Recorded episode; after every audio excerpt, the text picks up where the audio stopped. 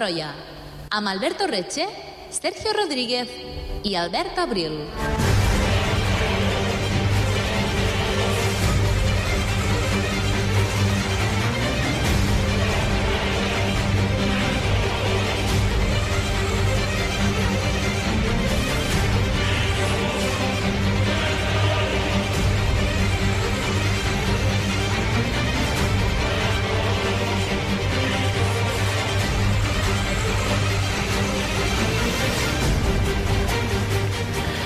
Entre el segle VIII i l'any 1066, un poble nòrdic es va dedicar a explorar, comerciar i saquejar per tots els territoris costaners d'Europa, els vikings. Quan projectem les seves expedicions, ens venen al cap moltes sèries i pel·lícules actuals, les seves ràtzies a l'illa de la Gran Bretanya, les seves incursions per França o les seves expedicions i colonitzacions cap a Occident, Islàndia, Groenlàndia i, fugaçment, a Amèrica, Vinland. Tanmateix, si fixem la nostra mirada a l'Europa meridional i al Mediterrani, veurem com els vikings i els seus successors normands també hi van deixar una important petjada. Avui, a les portes de Troia, reviurem l'aventura que van viure els vikings pel Mediterrani. Quins territoris van saquejar? Fins on van arribar i com van assentar la seva cultura al vell mig del Mediterrani? Benvinguts a l'Europa normanda, benvinguts a les portes de Troia.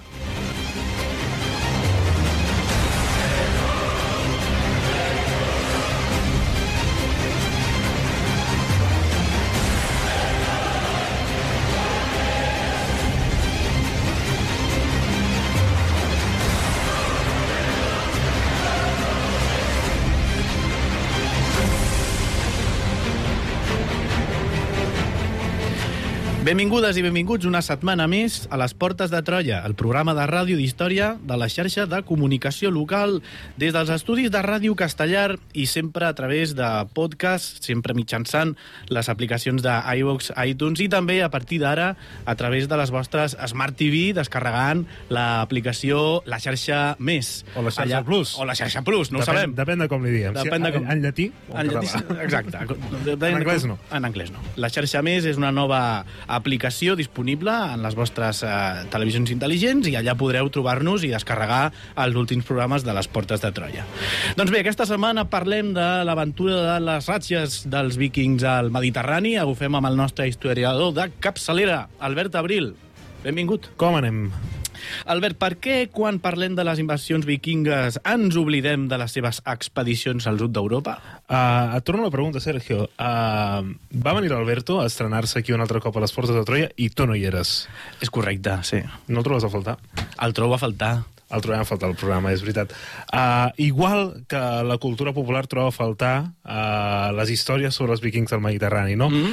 uh, per què ens n'oblidem? Uh, doncs perquè les grans sagues nòrdiques, uh, la, molta, moltíssimes de les cròniques que s'han escrit al respecte eh, ens parlen sobretot uh, de les expedicions dels vikings a la illa de la Gran Bretanya, a Islàndia, a Groenlàndia, també ja vam dedicar un, un programa la temporada passada a Vinland, uh. -huh. uh, també tota la seva expedició cap a l'est, que avui també en parlarem una miqueta, perquè la, de l'expedició cap a l'est, amb la di- dinastia dels Ruríquides que fan els vikings, uh, arriben cap a Constantinople, no? i d'això ja, ja en xerrarem després.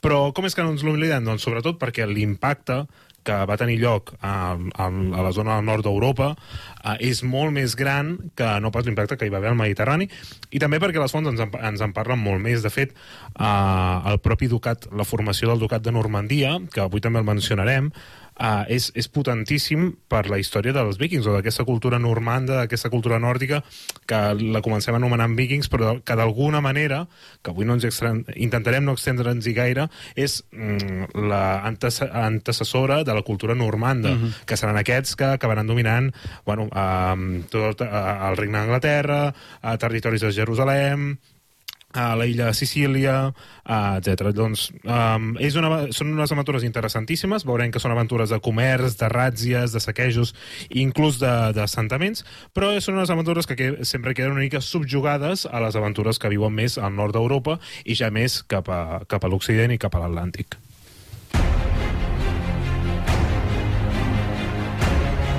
Segueix-nos a facebook.com barra Portes de Troia o a Twitter arroba Portes de Troia. descarrega't el podcast des d'iBooks o iTunes.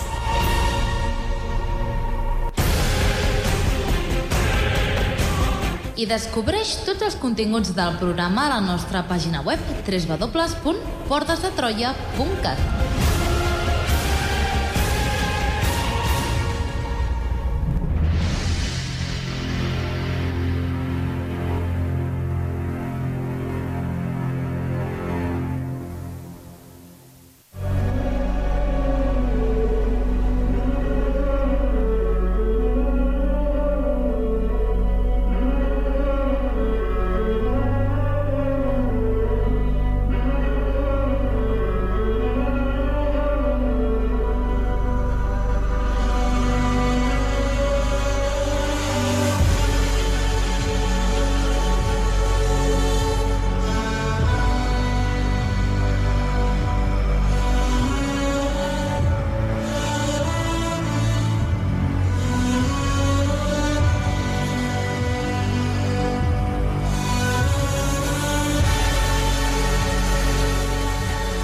Escoltem la banda sonora de l'Assassin's Creed Valhalla, saga de videojocs que sempre recomanem, sempre que podem, aquí a les portes de Troia, per aprendre doncs, molta història a través dels, dels seus escenaris, oi? I de les seves històries. Sí, i de fet, precisament l'Assassin's Creed Valhalla és un dels jocs...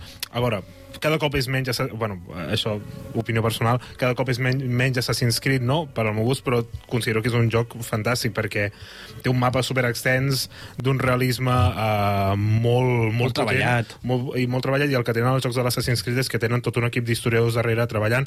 Òbviament és un joc de fantasia, bueno, uh, sí, en, entre moltes cometes de, de fantasia, però els escenaris històrics, jo sempre recordo el primer Assassin's Creed, no?, uh, uns escenaris his- històrics brutals, i el que passa a l'Assassin's Creed Valhalla també és, és fantàstic en aquest sentit. I la banda sonora a mi m'agrada molt, concretament aquesta. Jo crec que podríem equiparar la saga Assassin's Creed com si fos la, la novel·la històrica dels videojocs. Al final posen un escenari i després les històries que passen, doncs, evidentment, hi entra, hi entra la literatura, no? i a partir d'aquí sempre ho recomanem. Les, els videojocs que parlaven sobre el renaixement italià recreaven a la perfecció els principals escenaris, Xulíssim, sempre ho hem dit. sí. Els Ezio Auditore. Però avui aquesta banda sonora ens servia per introduir-nos amb el, els vikings i la primera pregunta és obligada. Qui, qui eren els vikings, Albert? És una pregunta que han contestat molt a les portes de Troia, no? Els vikings és aquesta uh, civilització procedent d'Escandinàvia, no?, que s'expandeix cap a l'oest, Anglaterra, França, Islàndia, Groenlàndia. Uh, també s'expandeix cap a l'est, pel Volga, el Mar Caspi, la, uh, formen la, la Rus de Kiev, arri a Moscòvia, no?, arriben fins a, inclús fins a Moldàvia, algun, algun petit territori de Polònia. Um, L'únic és, és una civilització que sobretot es desenvolupa al, en el que anomenem els historiadors l'era vikinga, no? que és aquest període que va des del segle, uh, segle VIII i segle, segle XI, no? Concretament fins al 1066, a la batalla de Hastings, Uh, és, és una civilització que, que té un gran protagonisme a Europa perquè és una civilització molt dinàmica i és una civilització que deixa una petjada enorme, és una civilització que deixa una petjada tant en les dinàmiques de poder com en, en, inclús en les rutes comercials perquè els vikings eren uns grans comerciants com també en l'imaginari col·lectiu. I és, és una petjada uh, en el nostre imaginari que existia en el moment, de Cés, de César en parlarem una miqueta, però també ha arribat fins al dia d'avui. Vull dir, és una cultura que genera moltíssima fascinació. En el programa de Vinland ja van comentar una miqueta d'on ve aquesta fascinació, no? Um, romanticisme, no? Busquem una real medi medieval, um, llegendària, inclús tot el tema uh, barrejat de la mitologia nòrdica, que en realitat gairebé no sabem res, però hi ha llibres i llibres i sèries i iconografia i, i molts tatuatges de molta gent vinculats a la mitologia nòrdica. Um, però també, des de, des de l'auge del nazisme a Alemanya, la, la imatge dels vikings s'ha transformat moltíssim, s'ha romantitzat molt, moltíssim, no? Perquè Hitler, bueno, Hitler, tot l'aparell propagandístic es basava moltíssim en, en aquesta imatge del passat, de la puresa ària, no, de vikings enfrontant-se contra pobles europeus i eslaus, eh, sobretot contra pobles eslaus, d'una, entre moltes cometes, d'una raça, en aquest sentit, eh, inferior. No? I veurem com la imatge dels vikings que ens ha arribat avui en dia és una imatge totalment eh, desfassada, no? Per una banda totalment idealitzats i per altra banda totalment assalvatjats, perquè també quan pensem en els vikings, què fem, no? Pensem, ens imaginem uns salvatges que l'únic que fan és saquejar. Cada cop, no?, veiem com estem desmentint més aquesta imatge, cada cop tenim una imatge una mica més neta, sobre, sobre els vikings, uh, però sempre pensem en això, no? els cascos amb banyes, que sabem que bueno, és el típic tòpic no? Miquel del- Vikingo... Miquel Viking, etc. Llavors també és, és important saber que d'ells, o sigui, de l'era vikinga, tenim molt poques fonts escrites. Uh, llavors eh, coneixem moltes coses sobre ells, sobretot a partir del 1000, o sigui, ja ha arribat al 1066, quan la, la cultura vikinga es feudalitza, no? es cristianitza, després ja en parlem una miqueta si tenim temps, uh, però sobretot coneixem coses eh, d'ells, sobretot gràcies a cròniques uh, posteriors, i són cròniques sobretot cristianes, no? Per tant, uh, coneixem molt poques coses sobre els vikings, Uh, però bueno, farem el que podrem amb, amb aquestes cosetes. Al fil del que comentaves fa un moment, de la seva bestialitat, de les seves, els tòpics sobre aquest tema i, per tant, la seva brutalitat, etc. La pregunta que et faré ara és, és, és en aquest sentit, doncs, perquè aquest, hi havia aquest terror a l'activitat que podien, eh, que podien dur a terme aquests, aquests vikings? Sí, la veritat és que sí que hi havia una por, uh, potser a veure, no podem dir una paranoia col·lectiva, no? però sí que existia una por uh, cap als dràcars, cap als, cap als vaixells vikings. Uh, és una, I a més és una cosa que tenim registrada tant arqueològicament com, com docum documentalment. Uh, clar, el terror dels vikings va ser, uh, va ser molt profund i el seu record marcarà per sempre l'imaginari col·lectiu europeu, com ja, com ja hem dit abans. Uh, poques ciutats costaneres es van lliurar no, de la seva amenaça, uh, i a més a més era una cosa uh, bueno, molt forta perquè després en parlarem de les seves intervencions o dels seus saquejos a la península ibèrica, i és que, clar, ah, per exemple, el cas de Lisboa. Lisboa el saqueixen un cop a mitjans del segle IX, però és que a començaments del segle IX hi tornen. Però és que a mitjans del segle X hi tornen un altre cop. Vull dir Clar. que, que la gent ja ho coneix, no? Ai, els vaixells aquells un altre cop es tornen a acostar. Ai, aqu allò, aquelles històries que em van explicar el meu besavi sobre uh, aquells vaixells que van venir un cop i ho van cremar tot. No, ja estan tornant. Per tant, és una, co- com que, la, clar, ens hem d'imaginar que les rutes que seguien els vikings de saqueig eren recurrents. Uh, per tant, els pobles costaners, no els pobles aquests que queden al costat dels grans rius, uh, sabien que eren els vikings, hi havia històries sobre els vikings, i és totalment normal no? que, bueno, que, que existís un, un terror, una, un, un background no, relacionat amb aquesta cultura. Tanmateix, clar, no ens oblidem, com ja dèiem abans, que, que a part de saquejadors i de guerrers, la realitat dels vikings era molt més complexa. Uh, L'únic el tòpic els ha, els ha absorbit, no? No només eren bàrbars, violents i salvatges, sinó que també eren grans artesans, músics, comerciants, uh, sobretot artesans del metall, uh, i sobretot, sobretot, sobretot, grans navegants i grans exploradors. Ja ho has, ja ho has avançat una, una mica abans, però a part de les ràtzies, és a dir, les, les incursions, les, eh, els saquejos, no? Ara, ara els hi diuen raids, eh? Els raids, sí. Uh, uh, els vikings van ser capaços d'establir també dominis més permanents? Uh, sí, uh, de fet, molts, i alguns més permanents que altres, no? vam veure, per exemple, el cas de Vinland, que potser és el cas més extrem, que va ser un assentament que va durar poques dècades. Però sí que és cert que són capaços d'establir dominis territorials uh, temporalment llargs. Uh, per exemple, el cas de la Gran Bretanya. El cas de la Gran Bretanya és, és paradig bueno, paradigmàtic, és, és perfecte no?, per exemplificar uh, això. Um, quan estan conquerint la Gran Bretanya, bueno, tot comença amb saquejos, tots com, comença amb petits contactes comercials i decideixen que és un bon lloc per assentar-se i comencen a fer, ja no és un progrés de saqueig, sinó que comença a ser gairebé un procés de, de migració. De fet, a la Gran Bretanya s'hi assenten a partir dels segles uh, 8, uh, 9, i, i, bueno, i s'acabaran assentant definitivament amb la dinastia normanda de Guillem el Conqueridor al, al 1066. També en aquella època on s'havien començat a assentar també a Islàndia, que va ser una colonització en tota regla, a, a Groenlàndia, però també tot, tots els dominis no, que, que parlàvem abans, cap a l'est, des de la zona de Finlàndia cap a la zona de Bielorússia, Ucraïna, Moldàvia, uh, una petita fracció de Rússia, alguns territoris de Polònia, que tot això ho va orquestrar no, aquests, aquests suecs que van començar a migrar cap allà, um, que acabarien conformant la, la dinastia ruríquida, que després ja ja en parlarem. Uh -huh. um, però jo penso que l'exemple més... O sigui, i a part de tot això, si ja parlem de la dinastia normanda, no? uh, l'exemple més poderós seria en el cas de també el regne de Sicília, que després en parlarem, i jo penso que el més... Um, ex- l'exemple més gran de tot això és el cas de, precisament el cas de Normandia. Com serà aquest cas, eh, el cas de, eh, de l'establiment eh, normand? Clar, els normands, eh, al segle IX, a la zona del Baix Siena, eh, va ser, ja, va, ser- ja va ser ocupada per ells, no? per, per guerrers noruecs i danesos, que estaven començant a saquejar les, coses, les costes de França, i eh, les, les tropes franc, francès, bueno, franques, en aquest cas, van ser incapaces de desfer-se d'ells. No? Llavors, eh, s'acaben assentant en aquest territori des del segle, des, des del segle IX. Uh, I concretament s'assenten a la zona del Baix Sena, concretament a la seva desembocadura. De fet, uh, l'any 911 és importantíssim per això, uh, ja que aquí entren en joc dos personatges im importantíssims per, uh, per l'edat mitjana, que són Carles III, que era anomenat uh, Carles el Senzill, que era membre de, de la dinastia carolíngia i rei del regne franc de, uh, occidental, va haver de reconèixer el domini viking d'aquell territori, del territori del, del Baix Sena. Clar, això seria el germen del futur ducat de, de Normandia. Llavors, a través d'un tractat no, que van firmar uh, aquest any, eh, el 911, entre Carles III, Carles el Senzill, i Roló, que és uh, aquell personatge que ens posen a la sèrie de Vikings, uh, que és el germà d'en Ragnar... Bueno, germà... No s'acaba... Bueno, jo almenys no vaig acabar d'entendre si era germà o eren amics, uh, tan amics que eren germans, uh, Vale, que traeixen vale. Ragnar, però que Sí. sí. llavors se senta al regne franc, etc que, bueno, que a la sèrie el, el col·loquen totalment distorsionat en el temps perquè el, el col·loquen al costat d'en Ragnar que, que són personatges que potser es porten 200 anys d'història, no? però és una, és una cosa que fa molt aquesta, aquesta sèrie. Llavors el que fa Carles III um, a l'any 911 és dir, vale, fa 100 anys que tinc vikings per aquí, que no estan um, en cap mena de contracte territorial ni res, doncs el, que el que vaig a fer amb aquest tractat és feudalitzar-los. Doncs molt bé, us dono aquest, aquest domini per vosaltres i tu et converteixes en el meu vassall, això, uh, en en Roló. Uh, òbviament, el procés de feudalització, el procés de, vale, vosaltres us podeu assentar aquí en el meu regne, també inclou una cosa, que és la cristianització.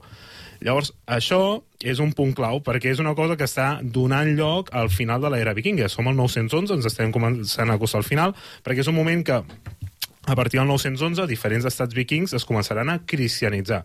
Islàndia, a, a finals, ara no recordo si era a finals del 10 o començaments de l'11, el regne de Dinamarca, el regne de Noruega, el, el regne de Suècia, són els estats que, després d'això de Normandia o en dates molt pròximes, es comencen a cristianitzar.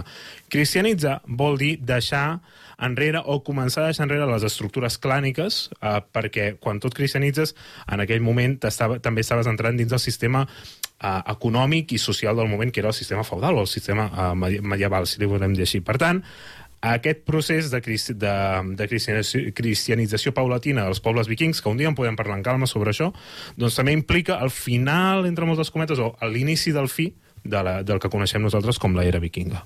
Mm? Déu-n'hi-do. Uh, això del Ducat de Normandia és un nom que ens sona molt i, i aquí n'hem parlat moltes vegades al Portes de Troia, oi? Sí, de fet, uh, és un territori que és poderosíssim, uh, perquè és una zona molt rica i, a més, és una, una, una zona superestratègica. Queda a mig camí no, d'Escandinàvia, queda molt a prop del, de la illa de la Gran Bretanya i uh, ens servirà d'enclavament perfecte per fer expedicions cap a, cap a més al sud.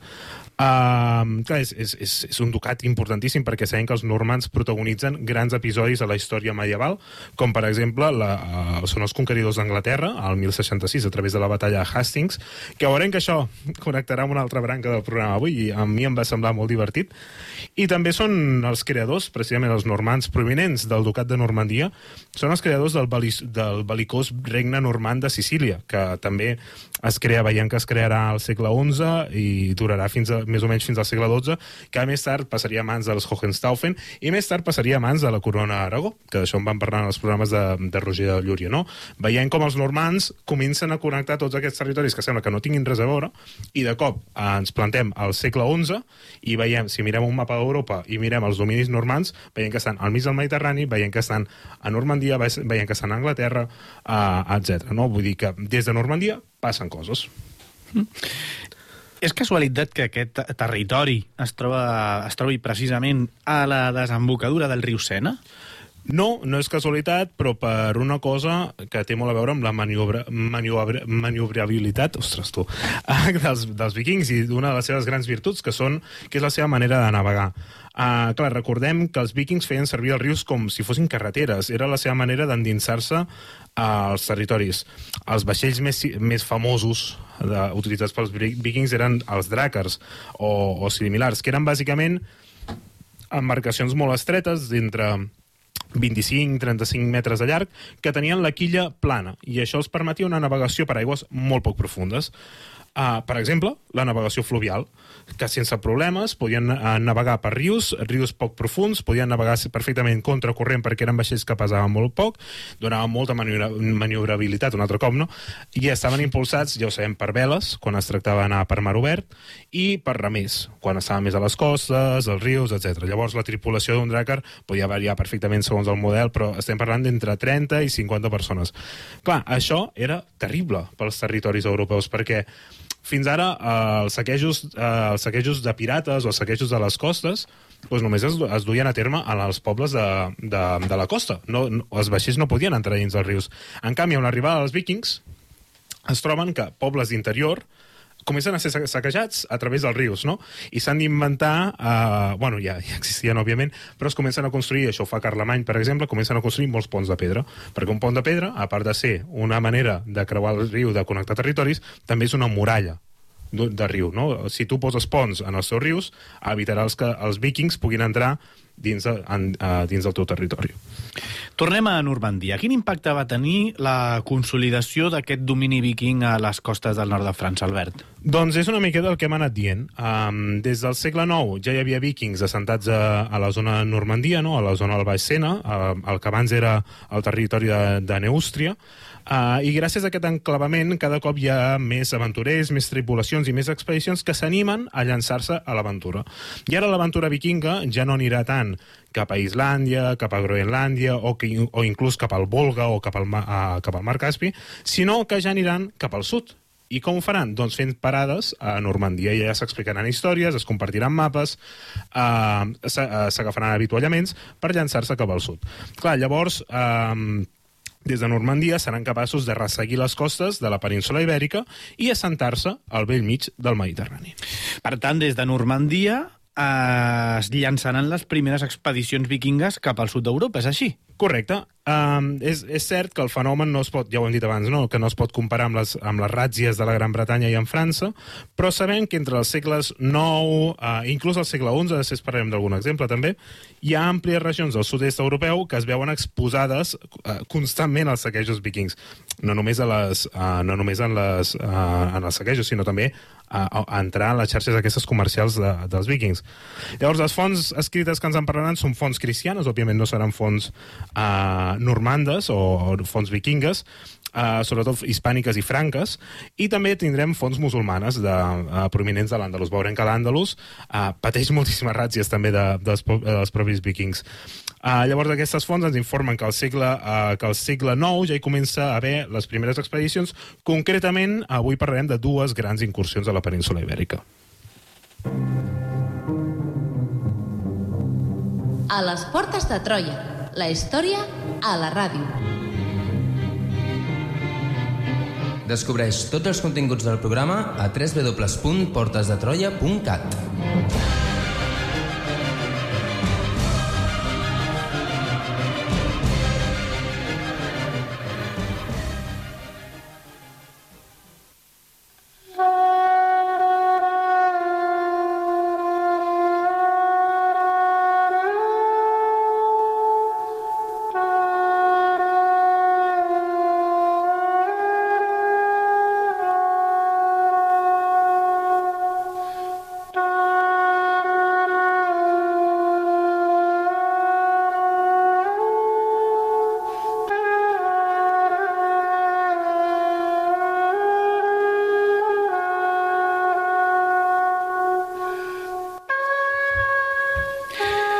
Comencem uh, i seguim el, aquí a les portes de Troia parlant de, de vikings i parlant d'aquestes expedicions que estaven fent ara sí pel sud d'Europa. Quina seria la primera, Albert? Clar, la primera eh, que parlem, és, és molt possible que n'hi hagi d'anteriors, eh, que jo no les hagi trobat, o que no hi hagi registres eh, escrits sobre aquestes, però la primera la, de les que parlem, eh, ja us he dit, eh, en desenvoluparem dues, bàsicament mm. una del 844 i una del 858, però sabem perfectament que al segle IX n'hi ha d'altres, i inclús al segle XI n'hi ha d'altres. Um, Però bé, la primera expedició va sortir el 844 des d'Escandinàvia o des de, o des de Normandia i sabem que comptava més o menys, tema de les xifres ja sabeu que és complicat, amb uns 6.000 guerrers. I aquests 6.000 guerrers anaven al bord d'unes 60 naus. Això ja ens, és perillós, no?, perquè ja no ens quadren les xifres. 60 naus vikingues no poden encabir 6.000 guerrers perquè no són prou grans. Uh, però bé, molta gent, molta gent, molts vaixells, que van cap al sud. Um, la primera parada uh, és, va ser el regne d'Astúries, van atacar Gijón i després de desembarcar a la Corunya uh, van destruir diversos pobles al voltant de, de bueno, al, al voltant del territori, uh, fins que uh, les tropes enviades pel rei Ramir I d'Astúries doncs els van poder uh, repel·lir. Tanmateix, l'expedició no s'acaba aquí, sinó els repel·leixen, no els aniquilen, sinó que aconsegueixen que torni, tornin a pujar els seus vaixells i que marxin. Llavors, mm. què faran ells? Tornen a, a l'oceà Atlàntic i es dirigeixen cap avall. Després de, de l'experiència contra els asturians, eh, els vikings es dirigeixen cap a les costes de l'actual Portugal i no sabem si van capturar uh, o si van posar setge i ja està, però sí que sabem que hi va haver episodis de destrucció. Van agafar totes les tovalloles que van poder i se'n van anar. I van marxar. I, exacte. Uh, I això passa, això d'agafar les tovalloles de la platja, passa concretament a la ciutat de Lisboa, que en aquell moment era una important, una important ciutat andalusí uh, de l'emirat de, de, de Còrdoba. Llavors sabem que hi ha, una, hi ha episodis de destrucció i saqueig, no sabem ben bé si acaben capturant la ciutat o simplement uh, saquegen els, els voltants, però bueno, sabem que existeix. Um, continuen el seu viatge cap al sud, s'apoderen de Cádiz, uh, remunten al Guadalquivir, no, amb aquesta idea d'endinsar-se de, pels, pels rius, i saquegen la ciutat de, de Sevilla. És a dir, que, que déu nhi per ser una primera expedició. Finalment, l'emir Abdelrahman II uh, aconsegueix reunir una tropa prou nombrosa uh, per tornar-los al mar, no? Uh, passa el mateix, no? Els vikings clar, hem de pensar que els vikings no, no fan grans incursions, no fan grans invasions, almenys en aquest moment i en aquest context, sinó que són ràtzies ràpides, no? Mandins el riu segueix una ciutat durant uns dies uh, o setmanes, inclús abans que arribi un exèrcit prou poderós com per fer-nos fora. Me'n vaig, vaig per un altre riu, ataco una altra ciutat, torno enrere, torno a un poble de costa, ataco ràpid. Clar, contrarrestar això, uh, des d'un estat centralitzat com seria l'Emirat de Còrdoba, um, és molt difícil, perquè has de reunir un exèrcit, l'exèrcit ha d'estar en el punt just, en el moment just, per, per contrarrestar aquesta, bueno, a, a, aquest saqueig. Llavors, en aquest cas, l'Abdelrahman II té prou sort o és prou llest com per aconseguir foragitar-los un cop més a la península ibèrica. déu nhi en la primera incursió. Comencem fort. Comencem Astúries, fort. Portugal i el cor de, de l'Àndalus. Uh, la segona que ens has d'explicar uh, supera en aquesta primera? Uh, és una expedició que és molt pitjor. Bueno, és, és molt més llarga, té un recorregut molt més gran i té un, i té un gran impacte. I a més a més, hi ha un episodi molt bonic d'aquesta expedició que potser és l'episodi més famós de, de la història dels vikings pel que fa al saqueig d'una ciutat, mm. que després narrarem. Aquesta segona expedició va sortir el 858 uh, uh, i aquesta estava liderada per dos famosos vikings com serien Halstein i amb Bjorn uh, o Bjorn uh, Costelles de Ferro que és possible fill de Ragnar Lothbrok, però bueno, tornem-hi, no? Possible fill, que òbviament a la sèrie de Vikings ens el posen com, òbviament, l'indubtable fill d'en Ragnar, Ragnar ja van dos, ja van dos eh, darts cap a la sèrie de Vikings, eh? Bueno, no són darts, vull dir, al final bueno, hem d'acceptar... Una mica sí. No, tampoc, perquè tampoc pretens... Bueno, molta gent es pensa que és una sèrie històrica. Uh, ara, ara, ara, bé, ara, ara, endavant. Molta gent es pensa que és una sèrie històrica, però és el que passa amb tot. No? Al minut gairebé 30 de programa arriba la conclusió... No, clar, aviam, fem un... s'ha d'aturar aquí, perquè molta gent segurament mirarà el programa d'avui de les portes de Troia, que va de vikings, i, i ha vist la sèrie de vikings perquè és un tema que a la gent li agrada, i, i pensarà, bueno, i què en pensen aquests de la sèrie de vikings? I clar, tu ets aquí la veu autoritzada. Uh, tu també pots dir la teva, eh? Jo sé que tu l'has intentat mirar, Sergio, i no te n'ha sortit dit. No, però... però no, jo no, no en sé, jo, jo no sóc d'aquesta època. Tu ets l'especialista, endavant. Bueno, uh, però és bàsicament això, no?, que és una sèrie que pretén... Bueno, tampoc, no sé si ho pretén o no, però no, no podem dir que és una, una sèrie històrica perquè el que fan és agafar uh, diferents elements coneguts sobre la cultura vikinga i sobre la història vikinga i els, els posen tots en, en uns, més o menys en uns 50 anys. I això no és veritat, perquè agafen a Ragnar Lothbrok, agafen a Rollo, agafen l'expedició que va a Vinland, que nosaltres sabem que l'expedició de Vinland va ser el 1021, um, o, una, una, o una mica abans, sabem que el 2021 feia 10 anys com a molt que havien arribat allà, uh, els episodis uh, a París, que no tenen... que de fet el que fan la sèrie és agafar l'episodi aquest tan interessant que us dit que us narraria ara, el vinculen al setge de París, uh, i no té res a veure. Uh, agafen a Roló, a Ragnar, tots aquests personatges, um, en Bjorn, en Halstein, uh, el rei Nut, etc. Agafen tots aquests personatges que són famosos de la història vikinga i es posen tots en un, en un mateix moment. I amb els fets importants també, tots I ho concentren tot, tot. allà. Ho, ho concentren tot allà. I a més a més, a les últimes temporades també t'ho volen vincular amb la Rus de Kiev. No, que llavors és encara més, encara més fantàstic.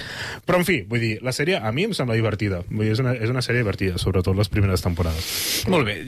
No sabem si tornarà a haver- a haver-hi opinió al llarg del programa sobre la sèrie Vikings. De moment, continuem amb, el- amb el guió Continuem amb el original, guió, que, que estàvem parlant Sí, sí, d'aquesta sí. segona incursió molt pitjor amb personatges de, de renom, oi? Uh, correcte, ja hem mencionat en Halstein i en Bjorn, uh, que es creu que, o sigui, que es creu que l'expedició uh, del 858 es creu que l'objectiu era la ciutat de Roma, no? Recordem que els rumors corren, les històries corren, la ciutat eterna és coneguda per tothom, i les grans riqueses que pot amagar aquesta ciutat, doncs, òbviament, eren uh, la mel als llavis que, que podien tenir una, una possible uh, expedició de saqueig dels vikings. L'expedició més o menys va ser entre 65 a 80 naus, amb uns 2.200 guerrers, que això és una mica una miqueta més creïble que les anteriors xifres. Llavors, la, la ruta que segueixen aquests vikings és exactament la mateixa que els seus antecessors. Uh, passen per Lisboa, però aquest cop no l'ataquen. No, no roben les tovalloles de Lisboa aquest cop.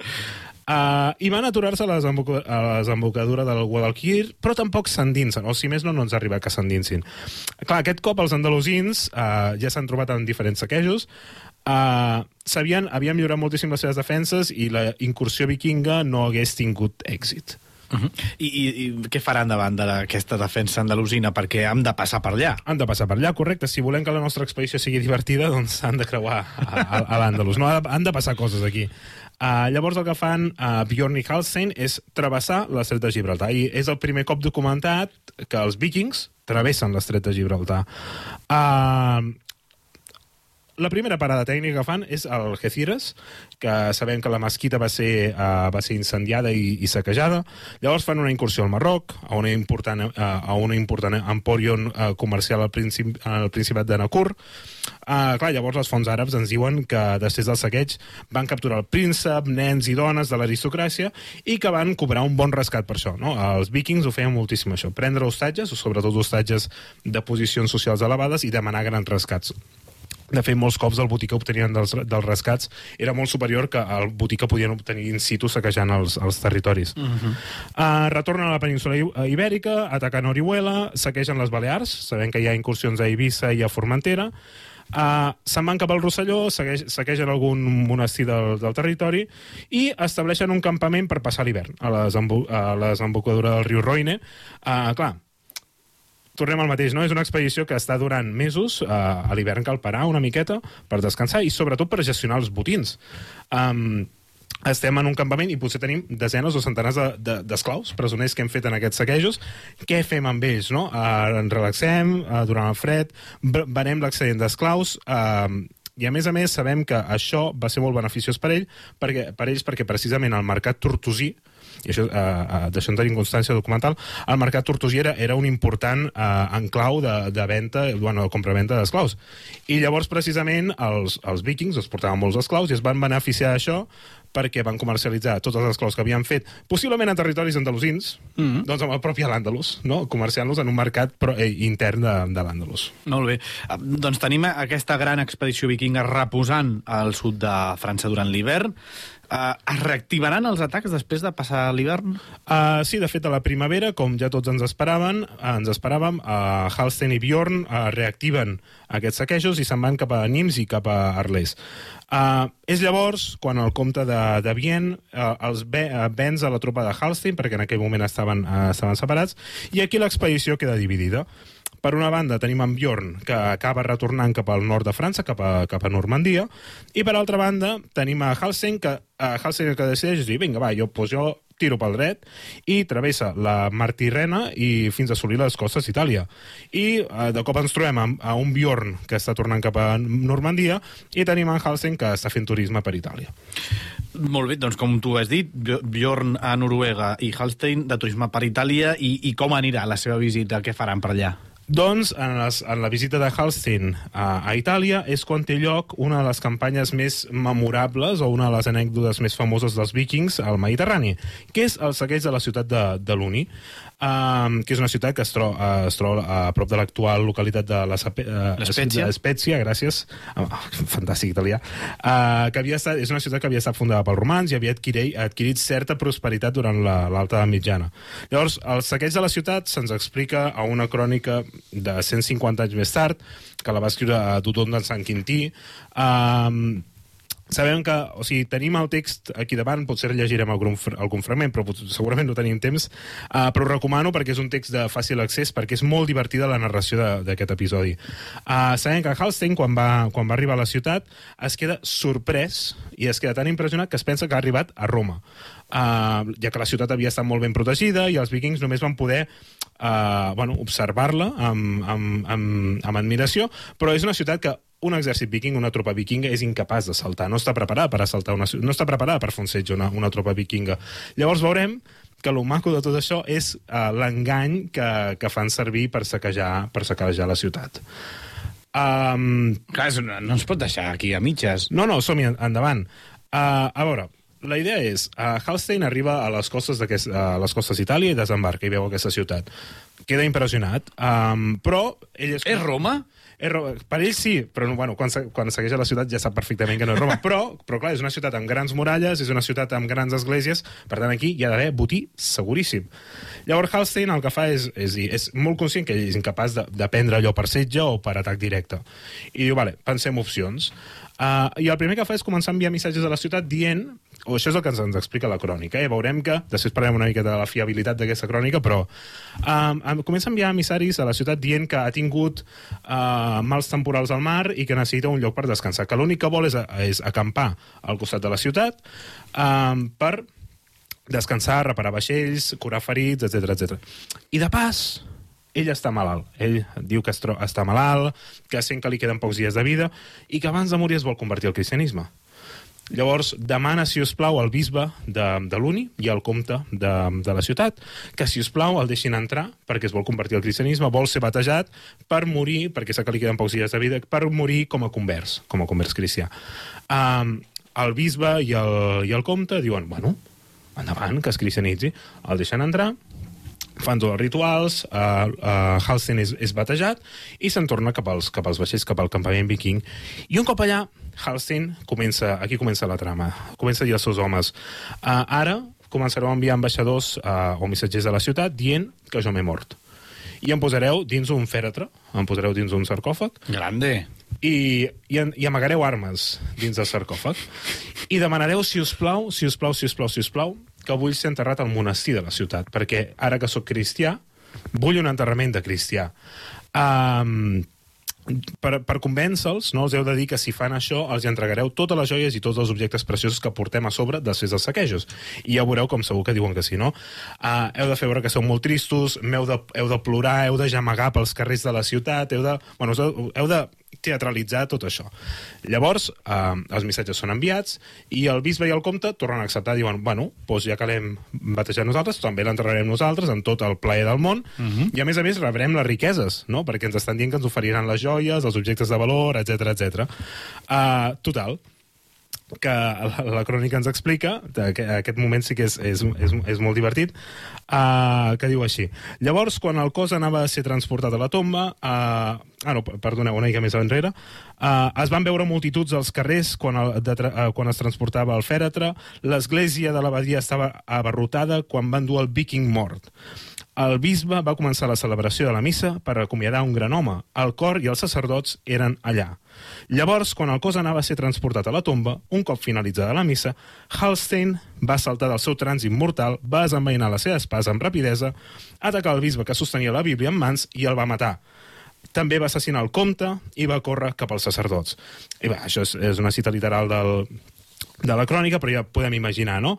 Uh, un moment no sabem si va obrir el, el fèretre al mig de la celebració, dins de l'església, o va ser ja pels carrers, o simplement quan el, les per, persones de la ciutat van obrir la porta van aprofitar tots els vikings per entrar uh, a la ciutat, i, bueno, i se'ns narra que va ser una, un episodi bastant sanguinari en què els vikings, gràcies a aquest engany, no, gràcies a fer veure que Halstein estava mort dins un, cerco, dins un fèretre, doncs van poder entrar a la ciutat i la van poder saquejar tota. Caram, Listos, bastant, bastant divertit, la veritat. Déu-n'hi-do. Uh, clar, els habitants de l'Uni van ser totalment enganyats per aquest fet. Sí, clar, o sigui, els, pot, segurament no tots, no? Però, o, o, i segurament potser no va anar del tot, del tot ben bé així, Clar. però ens està fent una idea de com actuaven els vikings, no? a través de l'engany, a través de saque, saquejos ràpids, uh, aquests uh, confiats ciutadans commoguts per la devoció i convençuts de que els vikings eren allà refugiant-se, acaben sent totalment uh, enganyats i totalment massacrats. I una referència més a la sèrie Vikings. Això, el que fan a la sèrie Vikings és portar... Sabíem, spoiler, estimats oients, sabíem Però- què tornaria a passar. Però no és una crítica, és, és, Vale, és, vale. és un comentari. um, això que fan al, a la sèrie Vikings és portar-ho a París. I llavors Ragnar Lothbrok, per prendre la ciutat de París, com que veu que és incapaç de fer setge a la ciutat, doncs ell es posa dins un sarcòfag, fa veure que està mort i entra a la ciutat de París i ja està. Mm -hmm. Hem de confiar en aquest testimoni que ens, que ens explica aquesta conquesta de l'Uni? Clar, és una miqueta, uh, és una miqueta sospitós. Uh, bàsicament perquè hi ha historiadors que estan convençudíssims que l'Uni uh, o les seves defenses en aquell moment ja estaven destruïdes perquè el 849 hi ha registrat, o sigui, 10 anys abans de tot això, hi ha registrat uh, un atac serraí uh, contra la ciutat i es veu que va ser un atac bastant, bastant potent, que, potent que podria haver destruït les defenses, els edificis principals, etc.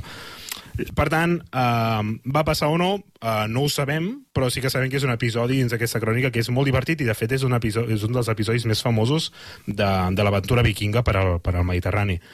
Llavors, altres testimonis ens parlen de que Halstein va continuar la seva aventura cap al sud, buscant segurament uh, la ciutat eterna, no? Ja pensem que era molt possible que fos el seu objectiu. Doncs Halstein diu, va, doncs ja que sóc aquí, doncs vaig tirant cap al sud.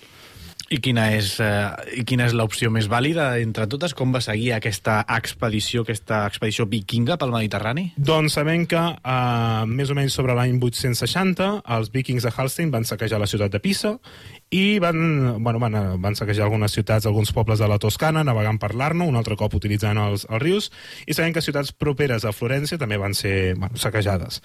L'únic que aquestes uh, expedicions del 860 ja van sup suposar el límit més aviat geogràfic no, de, dels vikings fins, fins llavors. Um, ja que en aquell moment, el 860, les tropes de Halstein ja van decidir girar cua i tornar cap a l'Europa del Nord per motius que segurament desconeixem. Però el que sí que sabem és que el 861 els vaixells de Halstein estan travessant l'estret de Gibraltar de tornada ja cap a, cap a Normandia. Llavors, les invasions i les ràtzies dels guerrers del nord d'Europa, meri- a, a, del nord a l'Europa meridional, van continuar, no? abans ja hem dit que continuaran al segle X, al segle, al segle XI, al segle XI ja serien més els hereus d'aquests vikings que cada cop són més normands i, i menys, menys vikings, i que s'acaba creant el regne de, de Sicília. Vale? Però d'això, si tenim temps, en parlarem una mica més cap al, cap al final del programa. S'han documentat més expedicions al sud d'Europa que tinguessin lloc durant l'era vikinga, Albert? Uh, sí, de fet, moltíssimes. És a dir, nosaltres sabem que, per exemple, hi va haver diversos intents de saqueig a Santiago de Compostela, a, a Galícia, uh, que són ja saquejos més del, del segle X. Uh, també sabem que van in, uh, intentar saquejar diversos cops, un altre cop, la ciutat de Lisboa, perquè els hi venia... No sé què els hi passa amb Lisboa, però crec que és una ciutat que intenten saquejar com tres o quatre cops. T'ho dic jo. Tovalloles. Tovalloles. Són molt bones. Boníssimes.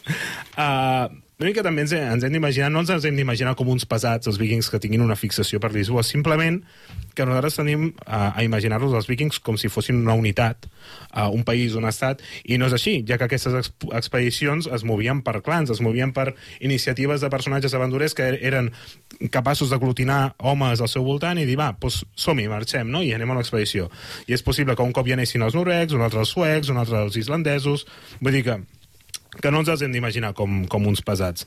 Llavors, eh, per posar un altre exemple d'una expedició eh, vikinga en, el, eh, en territoris de la península ibèrica, eh, tenim una crònica de l'Andalusí Ibn Hayyan, eh, redactada al segle, al segle XI, que ens explica que el 859 els matjús, que és així com els àrabs denominaven els, els vikings, van fer una incursió al regne de Pamplona.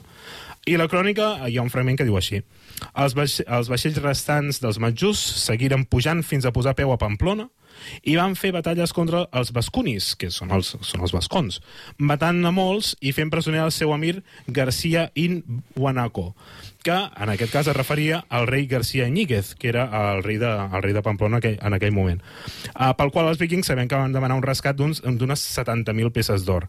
Bueno, això és el que diu la crònica, segurament és una mica exagerat, però perquè ens fem la idea no, que els historiadors han deduït que segurament per arribar a Pamplona els vikings uh, hi havia dos, dues opcions que van Uh, o sigui, Remuntar l'Ebre. van remuntar l'Ebre, és a dir, aquesta seria una de les opcions, no? remuntar l'Ebre des, del, des del Mediterrani fins a Pamplona, que déu-n'hi-do, Déu-n'hi-do, eh? déu nhi la incursió, però altres historiadors, i potser és la hipòtesi una mica més acceptada, és que van fer, van parar en un port basc i des del mar Cantàbric doncs, van anar caminant fins a, fins a Pamplona. A les portes de Troia. Descobreix la teva història.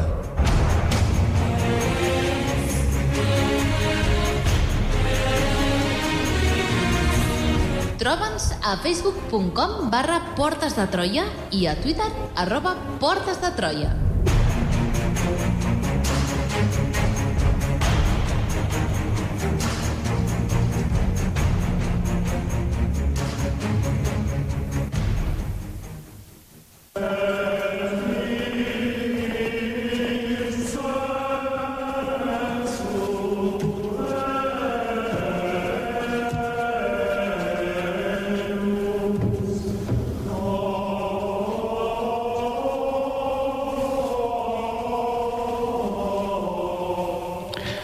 Recte final del programa d'avui, dedicat als vikings i al seu pas pel sud d'Europa. Encetem aquesta recta final, però abans de parlar del cas de Sicília, que ens has avançat abans, de quina manera, de quines maneres més trobarem els vikings pel Mediterrani, Albert? Doncs d'una manera molt divertida, que és a través de la Guàrdia Varega. Uh, abans hem dit que tornaríem a parlar de, de la Rus de Kiev, dels Ruríquides, i serà d'aquesta manera. Llavors, uh, un varec, o la paraula varec, prové del nord... Està, hi ha diferents hipòtesis sobre la seva eti- etimologia, uh, però la, potser la més acceptada és, és que prové del nòrdic antic, i que significa paraula d'honor, després ja veurem per què. Uh, però bàsicament és una paraula que utilitzaven els bizantins, el, les persones de l'imperi romà d'Orient, per fer referència a, a les persones estrangeres que venien, del, bueno, que venien de les regions de, de la Rus de Kiev, que venien del nord, per ells de, de, del nord. Um, era, la Guàrdia Varega era un regiment de mercenaris d'origen nòrdic. Eh, veurem que en un inici són d'origen nòrdic o d'origen eh, de la rus, eh, que van prestar el seu servei a l'exèrcit romà d'Orient entre els segles X i 13, no? Eh, són, són unes tropes que estan 200-250 anys per aquells territoris i que inclús encara es mencionen al 1400. Uh, els barrecs arriben a l'imperi romà d'Occident des de la Rus de Kiev més o menys l'any 988. No? O sigui, uh, els barrecs, o aquests, aquests homes de la Rus de Kiev ja havien tingut contactes amb Bizanci i els havien tingut a través de saquejos. Perquè, clar, igual que els, els vikings occidentals estan fent de les seves a Anglaterra, a la península ibèrica, a Normandia, etc, doncs els vikings uh, més uh, orientals, no, els de la Rus de Kiev, també fan de les seves per aquell territori. I si ens situem en el mapa, Uh, si nosaltres es- som a la Rus de Kiev, aquest terri- territori d'Ucraïna, a Moldàvia, etc, estem a un, a un tir de pedra de l'imperi bizantí. Per tant, des d'aquests territoris també hi havia, hi havia ratges. Però hi ha un moment, uh, concretament l'any 988, que el príncep Vladimir I de Kiev cedeix a l'emperador bizantí Basili II un regiment de 6.000 soldats per ajudar-lo a sufocar una revolta. Llavors, per això no és un esdeveniment gratuït ni aïllat, ja que uh, precisament Vladimir I va ser qui va cri cristianitzar la Rus de Kiev i, a més a més, havia usurpat feia poc el tron i necessitava una aliança militar forta, com per exemple l'imperi bizantí. I, a més a més, Vladimir I és qui agafa el cristianisme ortodox. Per tant, el, el papa espiritual de la Rus de Kiev en aquell moment era precisament Constantinople. I hem de conèixer alguna cosa sobre aquesta guàrdia? Uh, clar, és que podríem dedicar un programa sencer a la, a la, a la Guàrdia Varega perquè és, és, és fantàstic, o sigui, són... són... Bueno, és, és, és molt divertit, no?, perquè, perquè passen moltes coses. Um, participen en campanyes militars imperials, um, tenien una gran fidelitat a l'emperador, I a més, a més, a més, això també és molt bonic perquè no és el primer emperador romà en agafar una guàrdia nòrdica o germànica. De fet, l'emperador Claudi, mm, mil anys, eh, bueno, mil anys no, però 700 anys enrere, ja, es, ja munta la seva guàrdia germànica, perquè precisament qui va matar a Claudi, ai, qui va matar a Calígula abans que ell va ser la Guàrdia Pretoriana, que sabem que la Guàrdia Pretoriana era una força política més dins l'imperi romà. Uh, llavors era molt típic no, que l'emperador eh, es muntés una guàrdia personal amb persones llunyanes a l'imperi no? que no tinguessin interessos dins, dins la pròpia cort. Um, de fet, la, uh, se'ns parla de, que, de la seva fidelitat, del seu vigor, de les seves armes, la seva indumentària, la seva disciplina, i és possible que de la seva fidelitat sortís aquest nom, no? el barec, que és la paraula d'honor. Uh, aquesta guàrdia va començar a estar formada primer uh, per nòrdics, però llavors van anar-hi uh, anglosaxons, uh, persones normandes, inclús persones que, fugi, de, que fugien dels territoris saquejats pel, pels vikings acabaven treballant en aquesta, en aquesta guàrdia. Vols explicar algun episodi concret més relacionat amb aquesta guàrdia normanda? Molt ràpidament, uh, l'episodi d'en Harald Sigurdsson, um, que va ser un capità de la guàrdia, que va ser, es va autoexiliar de Noruega, va acabar treballant a la guàrdia varega, uh, com a capità d'aquesta guàrdia. Llavors va tornar a Noruega i, concretament, a l'any 1066, quan mor Eduard el Confessor, el rei d'Anglaterra, hi ha dues persones que... Uh, volen reclamar. Bueno, de fet, hi ha tres persones que reclamen el tron d'Anglaterra. Per una banda, tenim a Harold Godwinson, que és aquest Harold contra qui s'enfronta a Guillem el Conqueridor a la batalla de Hastings. Per altra banda tenim a Harold... Ah, perdó, uh, Harold és el... Uh... Bueno, és igual tenim en el nostre Harald, que Molts és el de... Haralds. Tenim dos Haralds, que un és, ja és a Anglaterra i l'altre és el que ve de la Guàrdia Varega cap a Anglaterra, que de, també reclama el tro, i per altra banda tenim a Guillem de Normandia, que és el futur Guillem el Conqueridor. Llavors nosaltres sabem que el nostre Harald de la, de la Guàrdia Varega se'n va a Anglaterra i s'enfronta al Harold, a Godwinson, ara sí, a Harold II d'Anglaterra, a la batalla de Stamford Bridge, que de fet a les portes de Troia hi ha un programa de fa molts anys dedicat a, de, dedicat a això. Mm -hmm. uh, Harold d'Anglaterra venç en aquests vikings que venen de, de gairebé de Constantinople, Uh, però mesos després s'ha d'enfrontar a Guillem el Conqueridor i a la batalla de Hastings, i és quan Guillem el Conqueridor de Normandia venç. Molt bé. Quatre minuts ens queden per parlar de presència vikinga a Sicília. molt, uh, molt difícil, això. Per què està relacionat amb la Guàrdia Varega? Uh, precisament perquè la Guàrdia Varega és, una, és un incentiu. Uh, la Guàrdia Varega, clar, no és només la Guàrdia de l'Emperador, sinó que són les tropes varegues que són mercenaris que es comencen a vendre, que comencen a vendre els seus serveis a l'imperi bizantí, que l'imperi romà sempre fa el mateix, no? Quan té merders, quan té revoltes, quan té grans enemics, què fa? Doncs contracta bàrbars, per, per ells persones no romanitzades. I és una cosa que fa, sempre i ho continuarà fent el, el, el, ara ens, ens trobem no, al, al segle X i XI i a les croades també ho fa perquè veiem com a la quarta croada o a la tercera croada també són cridats per l'imperi bizantí no? el, els pobles europeus occidentals perquè els veuen com uns bàrbars llavors la Guàrdia Varega és un incentiu. I ens trobem que hi ha nobles, bueno, o nobles, o, o capdills militars, eh, senyors de la guerra normans, que són capaços de, de portar tropes i de portar súbdits i vassalls, que se'n van cap als territoris de, de l'imperi bizantí per, bueno, Uh, per ajudar-los a vèncer revoltes, uh, etc.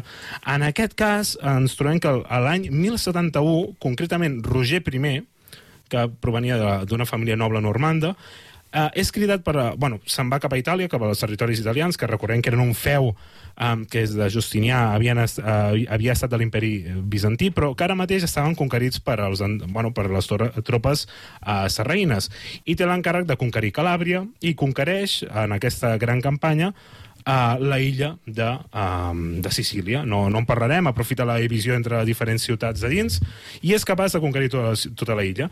Però en comptes d'oferir l'illa l'emperador bizantí, se la queda per ell, no? I ell comença a ser, Roger I comença a ser anomenat Il Bosso, o en, en català el gran comte de la illa de Sicília.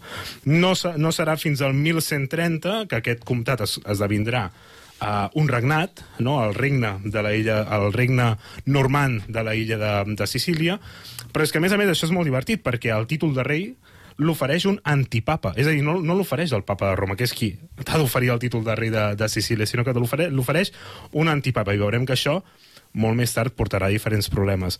Llavors, per problemes de successoris, eh, després de Roger II, que és aquest que rep la, la, el títol de rei, eh, veurem com s'acaben imposant a l'illa de Sicília. bueno, eh, inauguren la dinastia dels Hauteville, no? El nor- no, la dinastia normanda que regnarà a Sicília durant unes dècades, però llavors eh, Guillem II, l'últim rei, eh, l'últim rei de la dinastia Hauteville, eh, casa la seva filla Constança I de Sicília.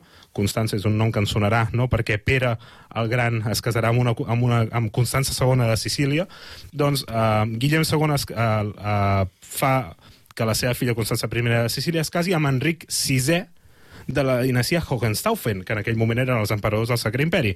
I com que Guillem no tenia fills mascles, eh, qui va passar a tenir el domini sobre l'illa de Sicília en aquell moment ja no van ser els normands, sinó que van començar a ser els Hohenstaufen, la dinastia que també regnava al Sacre Imperi Romano-Germànic en ple conflicte entre Wells i, i Gibelins, que d'això, bueno, ja sabeu que és, és tot un merder. Però és que, a més a més, un segle més tard, i d'això ja en vam parlar quan vam parlar de, de, de Roger de Llúria, eh, qui obtindria el domini de la illa de Sicília seran els aragonesos de la corona d'Aragó, quan, amb tot el seu conflicte contra els d'Anjou. I amb això és com enllacem la història dels vikings, dels normands, d'aquests barecs, amb la història de la corona d'Aragó. T'ha faltat un programa de... en un futur dels barecs per lligar tot això ben lligat. I de Sicília. Molt bé. Gràcies, moltíssimes gràcies, Albert Abril, per aquest programa dedicat avui a les portes de Troia, parlar d'aquest tema tan interessant. A tu, Sergio. El control tècnic, l'Adrià Tirado, qui us parla Sergio Rodríguez, i nosaltres us esperem la pròxima setmana amb un nou programa de les portes de Troia.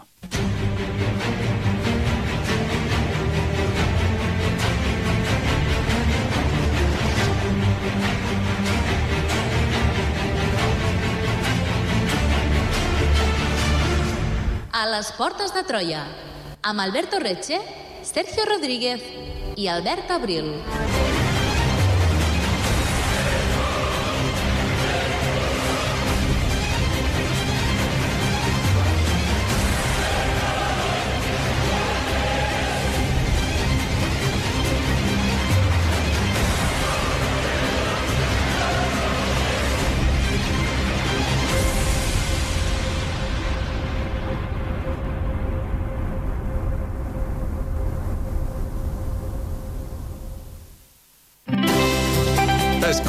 Ràdio Seu on i quan vulguis. Entra a l'apartat de ràdio a la carta de la nostra pàgina web i tria allò que més t'interessa de la nostra programació. Els informatius, les entrevistes, els programes musicals, culturals i esportius, la programació especial... On i quan vulguis, Ràdio Seu. A la carta des de la nostra pàgina web radioseu.cat.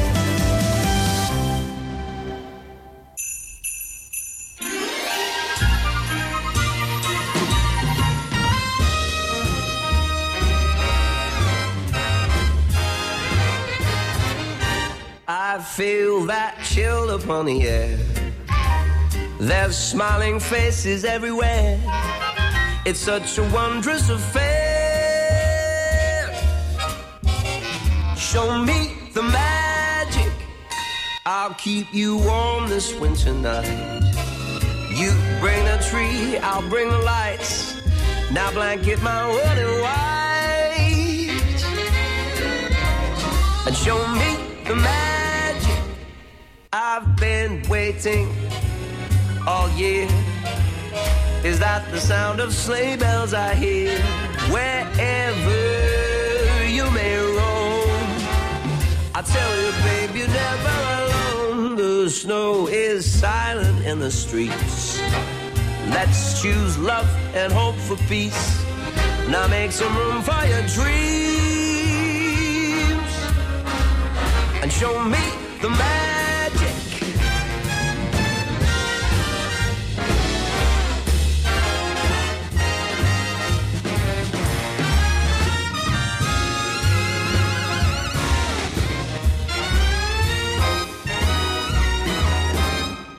Been waiting all year. Is that the sound of sleigh bells I hear? Wherever you may roam, I tell you, babe, you're never alone. The snow is silent in the streets. Let's choose love and hope for peace. Now make some room for your dreams,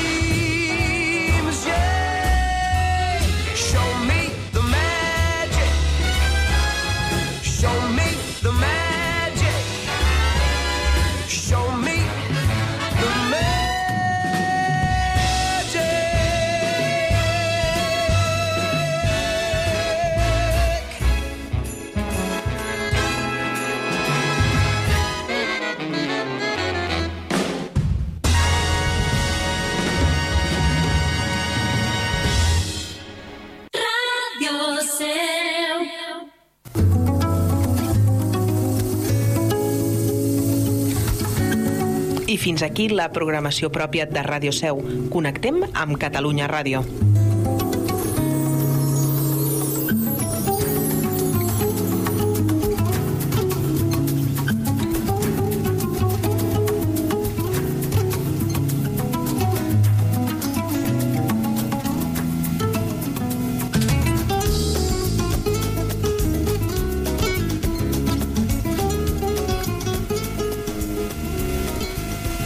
Si el vent, perquè avui hi ha bastant vent aquí a, a Girona, pot haver causat aquesta decisió. No ho sé, hauríem de mirar algun meteoròleg que ens digui cap a on, cap a on va el vent. Senyals horaris de les 9 de la nit, deixa'm dir, Solà, que el partit el fa de Zon La Liga